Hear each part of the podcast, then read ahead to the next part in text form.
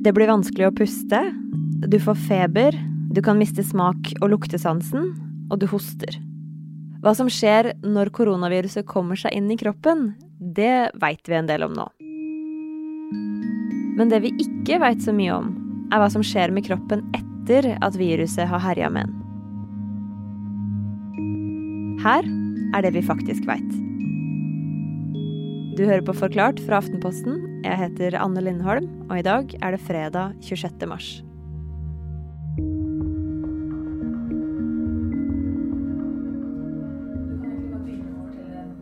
Navnet ditt, hvordan staves, så ikke jeg skriver det feil. Ja. Eh, Marit Len. L-E-H-N. L-E-H-N, ikke sant? Yes. Der var det en H. Mari Afsrød Mørtvedt, du er journalist i A-magasinet, og du har møtt Marit Len. Ja, det er en eh, trebarnsmor som er i 50-åra. Hun har eh, fast håndtrykk. Og hun er en sånn type som du lurer ikke på om hun hører etter når du snakker med henne, fordi hun fester blikket og er veldig engasjert som menneske. Det, vise, det viser hun veldig tydelig. Eh, og så Hun gir en sånn umiddelbar trygghet. Um, og jeg møtte henne på Cato-senteret i Son i Vestby, som er et rehabiliteringssenter som hjelper personer som har hatt eh, korona. Eh, og det var en torsdag i slutten av februar, og da hadde hun Marit akkurat starta på et eh, fire uker langt opphold der. Nå skal vi ta gangtest. Nå er du litt kjent med den. Noe av det første som Marit gjør når hun er på Cato-senteret, det er å ta en sånn gangtest som måler utholdenhet i løpet av seks minutter. Og hele poenget med den testen er at man skal ikke løpe, man skal gå så fort man klarer. Du skal gå fram og tilbake her mellom kjeglene. Det er 20 Det meter. er de, fra den til den der? Ja. Jepp. Eh, krysse streken på andre sida før du snur og kommer gående tilbake. Ja. Hensikten er Eh, Så Marit hun har på seg en svart treningsbukse, en sånn grønn militærskjorte og rosa joggesko. Og så går hun frem og tilbake en gang som ligner litt på en sånn ungdomsskolegang. Ja, skal vi starte, da? Ja. Klar, ferdig, start.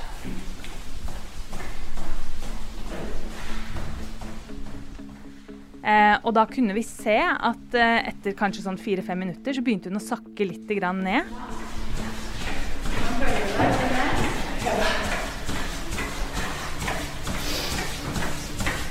Og da testen var ferdig, så forklarte fysioterapeuten at idet hun sakka ned tempoet sitt, så var oksygenmetningen til blodet til Marit litt lavere, altså var under 90, og da kan man fort eh, kjenne at det er litt ubehagelig. Jeg så på oksygenmetninga di at den falt Ja. på et tidspunkt. Ja. Den var nede på 89. ja. Eh, Da spurte jeg deg hvordan du sto til. Det er noe jeg egentlig ikke gjør så mye på en sånn test. Ok. Ja. egentlig. Så de kunne umiddelbart se at når Marit følte at formen hennes var dårligere, så var det noe med oksygenopptaket til blodet hennes som ikke var sånn som det skulle være. Sånn er det mange som har hatt det i lang tid etter at de har fått koronasjukdom. Viruset har vært i Norge i et år, og Marit var en av de første som fikk det. Det var tidlig i mars i fjor. Da hadde mannen hennes vært på alpetur. Han kom hjem 7. mars, tror jeg. Eh, og da var det jo snakk om at det var et virus på gang et eller annet sted i verden. Vi hadde fått med oss dette Wuhan-greiene og sånt, men, eh, men eh, Og av eh, ni kamerater som var der over lang tid, så kom alle hjem med korona.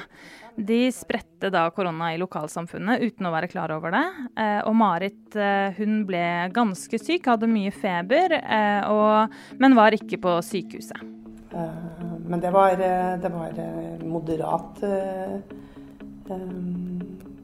korona som jeg fikk, da. Det var litt feber og vondt i hodet og vondt i kroppen. Det var nesten det verste. Da. Det var innmari vondt i kroppen. Eh, Men det varte, varte en stund. Det varte noen uker. Og så tenkte jeg bare men det her gikk jo fint. I forhold til andre som du hørte om, som lå i respirator og på intensivbehandling og ja, fryktelige greier, ikke sant. Så sjukdommen gikk over, Marit hadde ikke feber lenger og kunne gå tilbake på jobb. Men det var noe som ikke stemte. For hun hadde aldri følt seg så sliten før. Jeg har liksom brent alt på, eh, på jobb når jeg har vært der. Og da er det liksom Det er hjemme og legge seg. Eh, eh, stå opp spise middag. Legge seg på sofaen. Og så bare legge seg på kvelden. Og det er det dagene har bestått av, på en måte.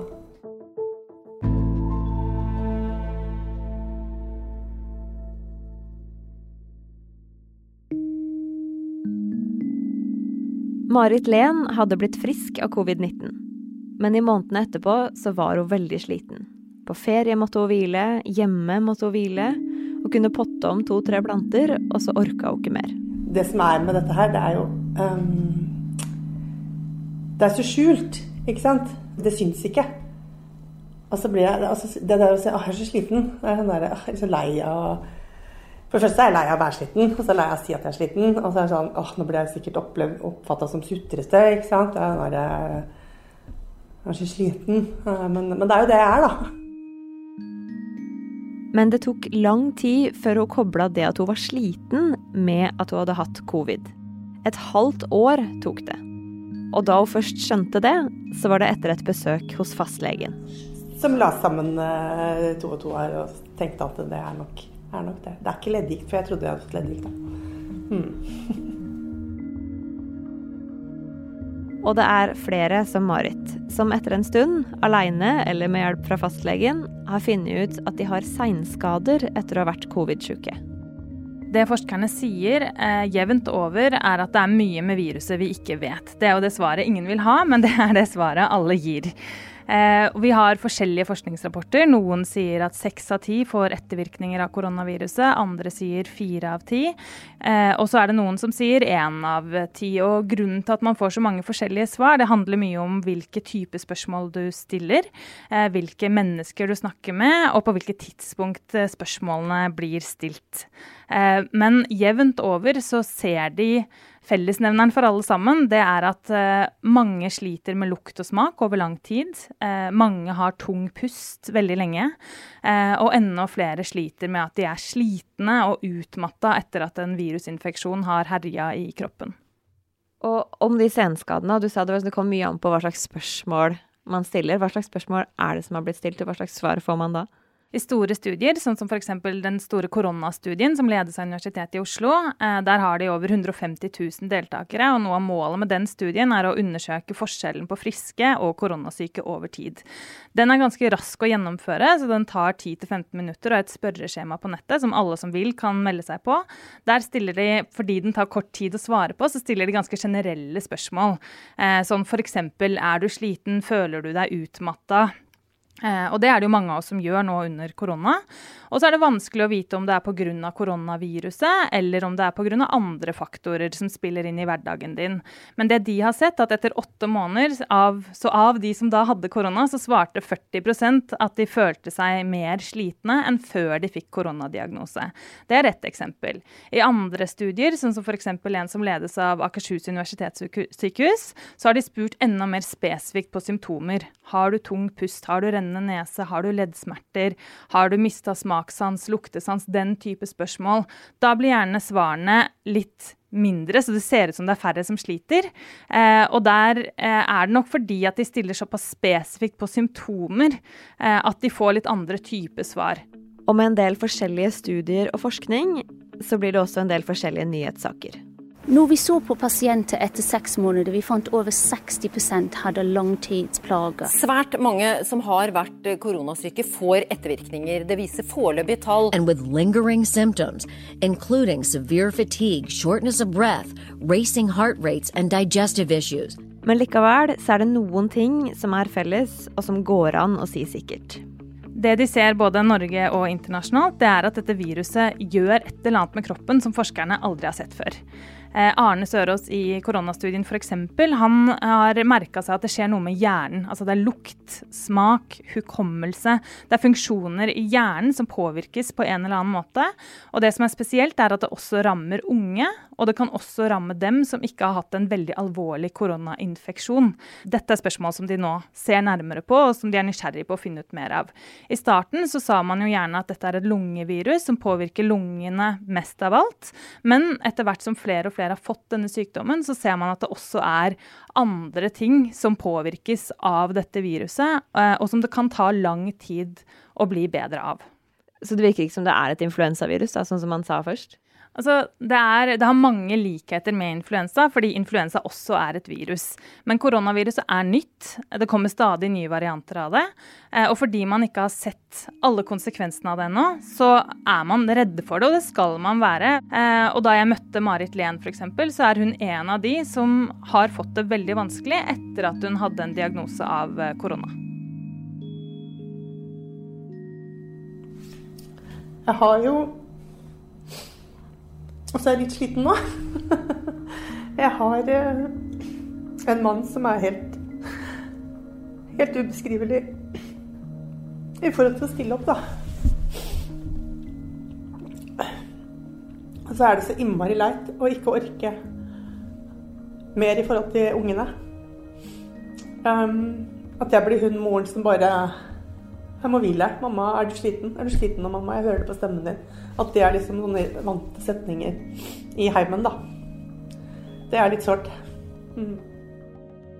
Og den beste måten Marit veit å takle det på, er med humor. Spesielt galgenhumor. Ja, hvis jeg bare skal være alvorlig, så blir det jo veldig trist, da. Eh, det er jo det òg, men det er jo Vi har jo blant annet hvor dårlig det er å si Var det verdt det, Christian? Var det verdt det? Altså, Turt én uke til Østerrike, var det verdt det? Ja, veldig fint. Ja, mange fine bilder, da. skal du se. Og så ser vi på litt uh, flotte naturbilder, ikke sant. Ja, fin tur, da. så, ja.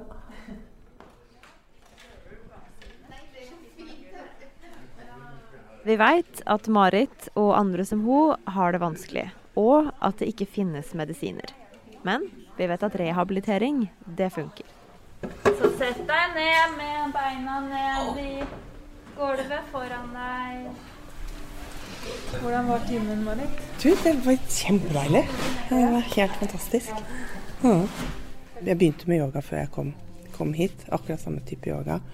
Og merka at det var, har jeg veldig godt av. Selv om jeg kjenner at jo Det med aksepten, da. At ting er som det er, det, er, det må jeg jobbe, jobbe, med på daglig basis. Jeg syns det er vanskelig ennå. Det er kanskje noe av det, det som er, er, det verste. Men da er sånne ting med på å hjelpe, da. Uh, tenker jeg. Mm, hvert fall for min del. Fordi viruset gjør noen skader med kroppen som kan føre til at folk føler seg mer slitne, så er forskerne redde for at folk pga. det ikke tør å bevege seg. At de tenker jeg må legge meg på sofaen og jeg må hvile meg frisk. Det kan gjøre at senskadene setter seg enda mer i kroppen, og det da kan bli enda vanskeligere å komme helt tilbake til normal form. Så derfor så er mange positive til rehabilitering. Fordi hvis du beveger deg, så vil kondisjonen eh, og også musklene komme tilbake, og da vil du føle deg bedre over tid. Um, jeg liker uh, at man må gå litt inn i seg sjøl og fokusere på, på, pust og her og nå. Um, det er fint å gjøre det ellers i hverdagen òg, men nå blir det liksom tatt helt ned, da. Uh, så ja. Jeg tror eh, vi alle har litt godt av å ta et pusterom innimellom.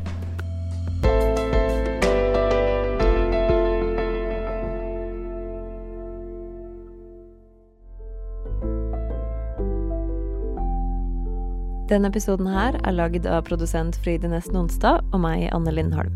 Resten av Forklart er Caroline Fossland, Ina Swann, Marit Eriksdatter Gjelland og David Vekoni. Du hørte lyd fra CNBC, TV 2, The Guardian og NRK.